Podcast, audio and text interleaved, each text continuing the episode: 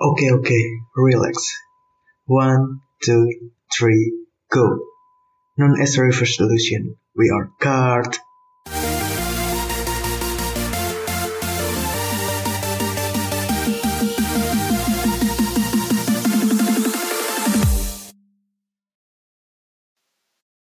Hello, Cardios. Welcome back to Card Radio, Code Links.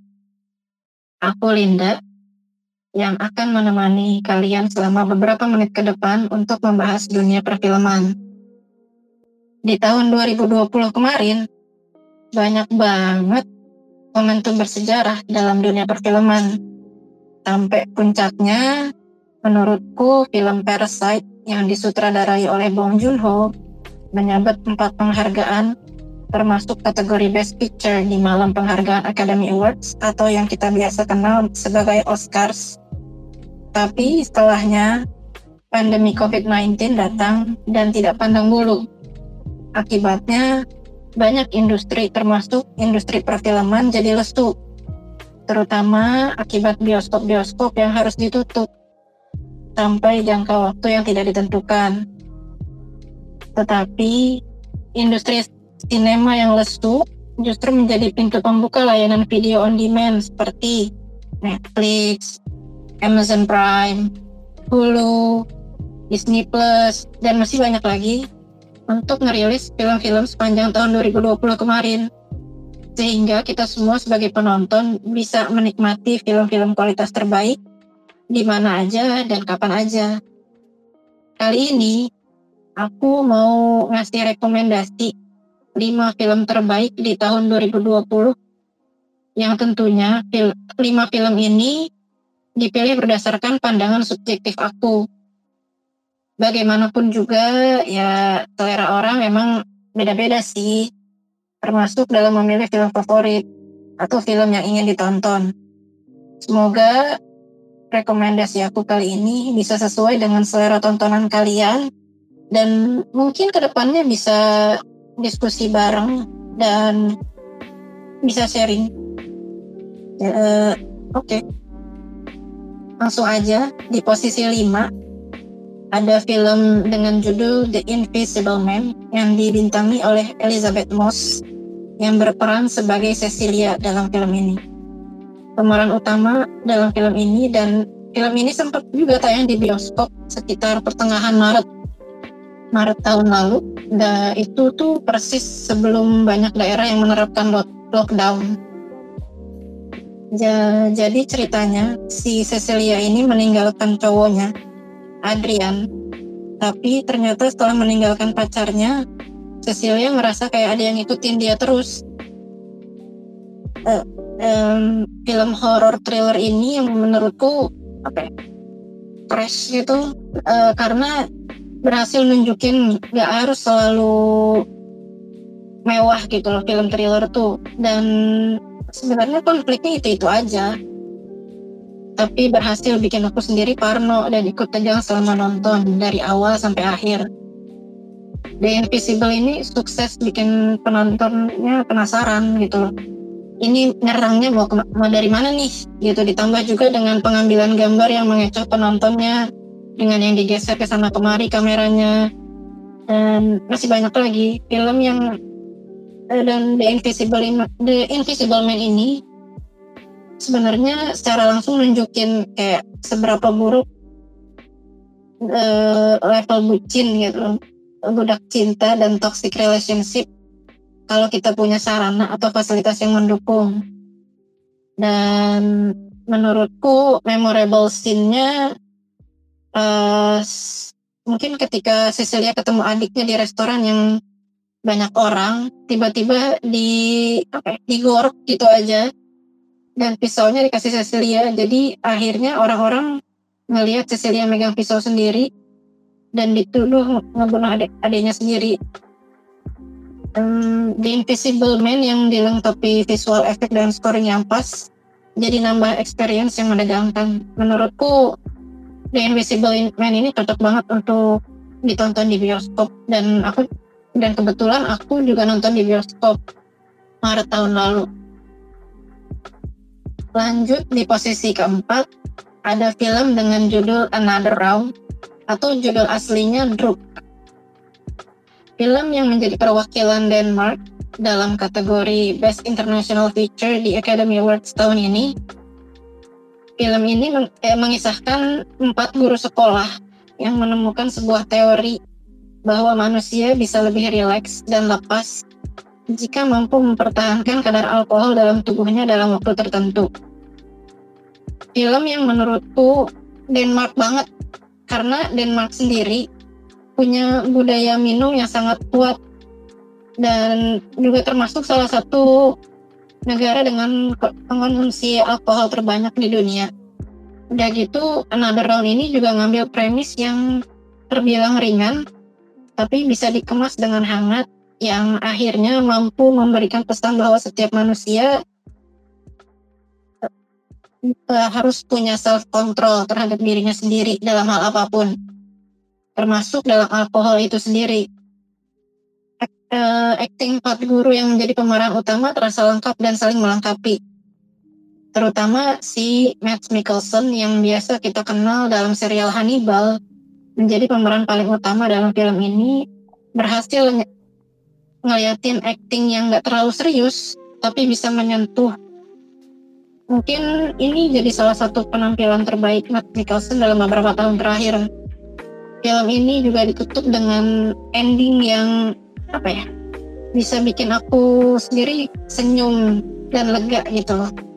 Karena dapat uh, pesan dari pesan yang ingin disampaikan dalam film ini tuh bisa aku dapatkan Lanjut di di posisi ketiga.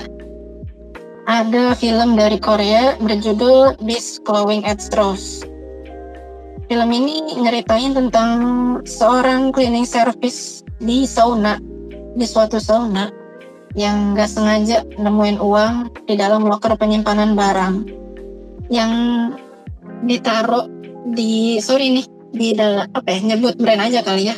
Yang ditaruh di tas LV Louis Vuitton. Tapi dia nggak sadar kalau sebenarnya ada yang nyariin duit di tas itu. Dari situlah cerita berjalan dan mengenalin karakter lainnya. Film ini terbilang asik karena semua adegan di film ini punya kaitan dengan adegan lain yang padahal kelihatannya sepele dan gak ada hubungannya. Udah gitu biarpun di sini banyak banget karakter penting kita nggak kebingungan gitu loh karena semuanya tuh punya sifat dan penampilan yang beda banget. Ini tuh terbilang unik karena alur ceritanya dibagi menjadi beberapa babak dan setiap babaknya itu ada hal penting yang dikasih tahu dan disiapkan untuk babak selanjutnya atau bagian akhir film. Misal nih, misal ada satu babak yang judulnya Lucky Strike. Di bab itu tuh dikasih tahu asal usul rokok Lucky Strike dalam cerita ini. Dan itu jadi clue penting buat babak selanjutnya. Biarpun filmnya bergenre kriminal bisa dibilang filmnya gak serius-serius amat. Karena karakternya yang bisa dibilang punya keunikan sendiri dan lucu juga cara nampilinnya. Jadi menurutku ini salah satu film mungkin jadi salah satu film pertama yang menampilkan jadi salah satu film Korea pertama yang menampilkan alur cerita yang menggunakan bagi, per babak gitu jadi, uh, dalam alur ceritanya. Lalu di peringkat dua ada film dengan judul Never, Rarely, Sometimes, Always Film ini disutradarai sama Eliza Hitman ya, yang bercerita tentang sebuah point of view seorang gadis berusia 17 tahun yang melakukan perjalanan buat melakukan aborsi. Sebenarnya plotnya sesimpel itu, plot ceritanya sesimpel itu, tapi kenyataannya ketika nonton berat banget. Kita dikasih lihat album uh, nama dari tokoh utama tersebut dalam film ini tinggal dalam keluarga yang acuh tak acuh. Perjalanan Autumn ke kota yang melegalkan aborsi. Karena di tempat di kota tempat dia tinggal tidak tidak dilegalkan praktik aborsi itu. Sampai tekanan sosial dan doktrin tentang beberapa betapa beruntungnya bisa melahirkan atau e, bisa punya anak. Karena katanya beberapa orang ingin punya anak tapi nggak bisa dan lain-lain akhirnya dan akhirnya eh, kita sampai pada peringkat pertama yaitu bisa dibilang ini salah satu film paling favorit aku di tahun 2020 kemarin.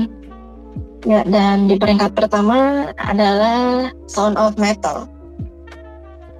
Dari awal tuh aku sempat ngeliat trailernya film Sound of Metal ini dan ngira film ini bakal nyeritain tentang seorang drummer yang berusaha untuk tetap bisa main musik karena telah jadi tunarungu. Tapi film ini justru menceritakan tentang gimana sih Ruben seorang drummer yang harus memiliki gangguan pendengaran sampai harus menjadi tunarungu bahkan dan bisa menerima kenyataan itu. Sebuah perjuangan yang terlihat depresif tapi berhasil disampaikan secara sangat baik. Riz Ahmed yang menjadi pemeran utama yaitu Ruben berhasil menurutku secara sempurna menggerakkan karakter Ruben lewat ekspresi dan gesturnya.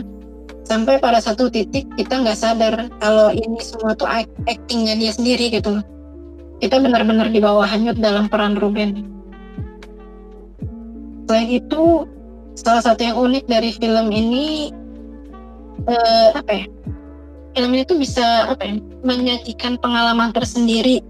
Karena disajikan film uh, apa ya, suara-suara distorsi kedap suara atau bising sampai sepenuhnya hening. Kita di, sebagai penonton tuh jadi kayak diajak ikut merasakan apa yang sebenarnya Ruben dengar dan rasakan gitu. Dan puncaknya sih ya jelas ya. Endingnya sendiri itu endingnya itu sendiri gitu.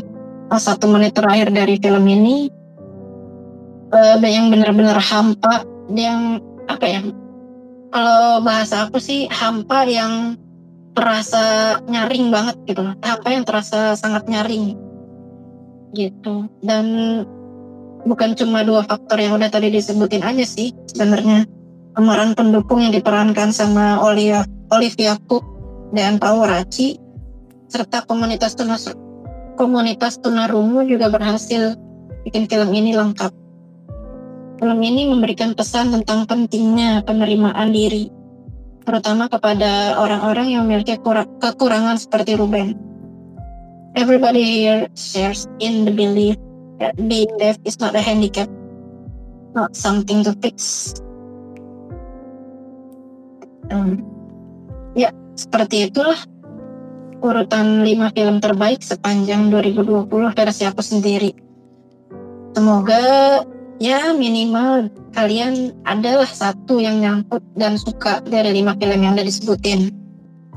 Oh iya, dan aku juga terbuka untuk diajak diskusi secara mendalam atau ngobrolin lebih lanjut tentang lima film yang tadi udah aku sebutin. 2020 jadi tahun yang kurang mengenakan bagi semua orang, termasuk bagi industri perfilman. Tapi ternyata itu sama sekali nggak nyurutin terproduksinya film-film bagus yang menghibur, mencekam, sampai memberikan pelajaran dan arti kehidupan. Terima kasih semuanya yang udah dengerin sam sampai ketemu di episode selanjutnya. Aku Linda, ciao.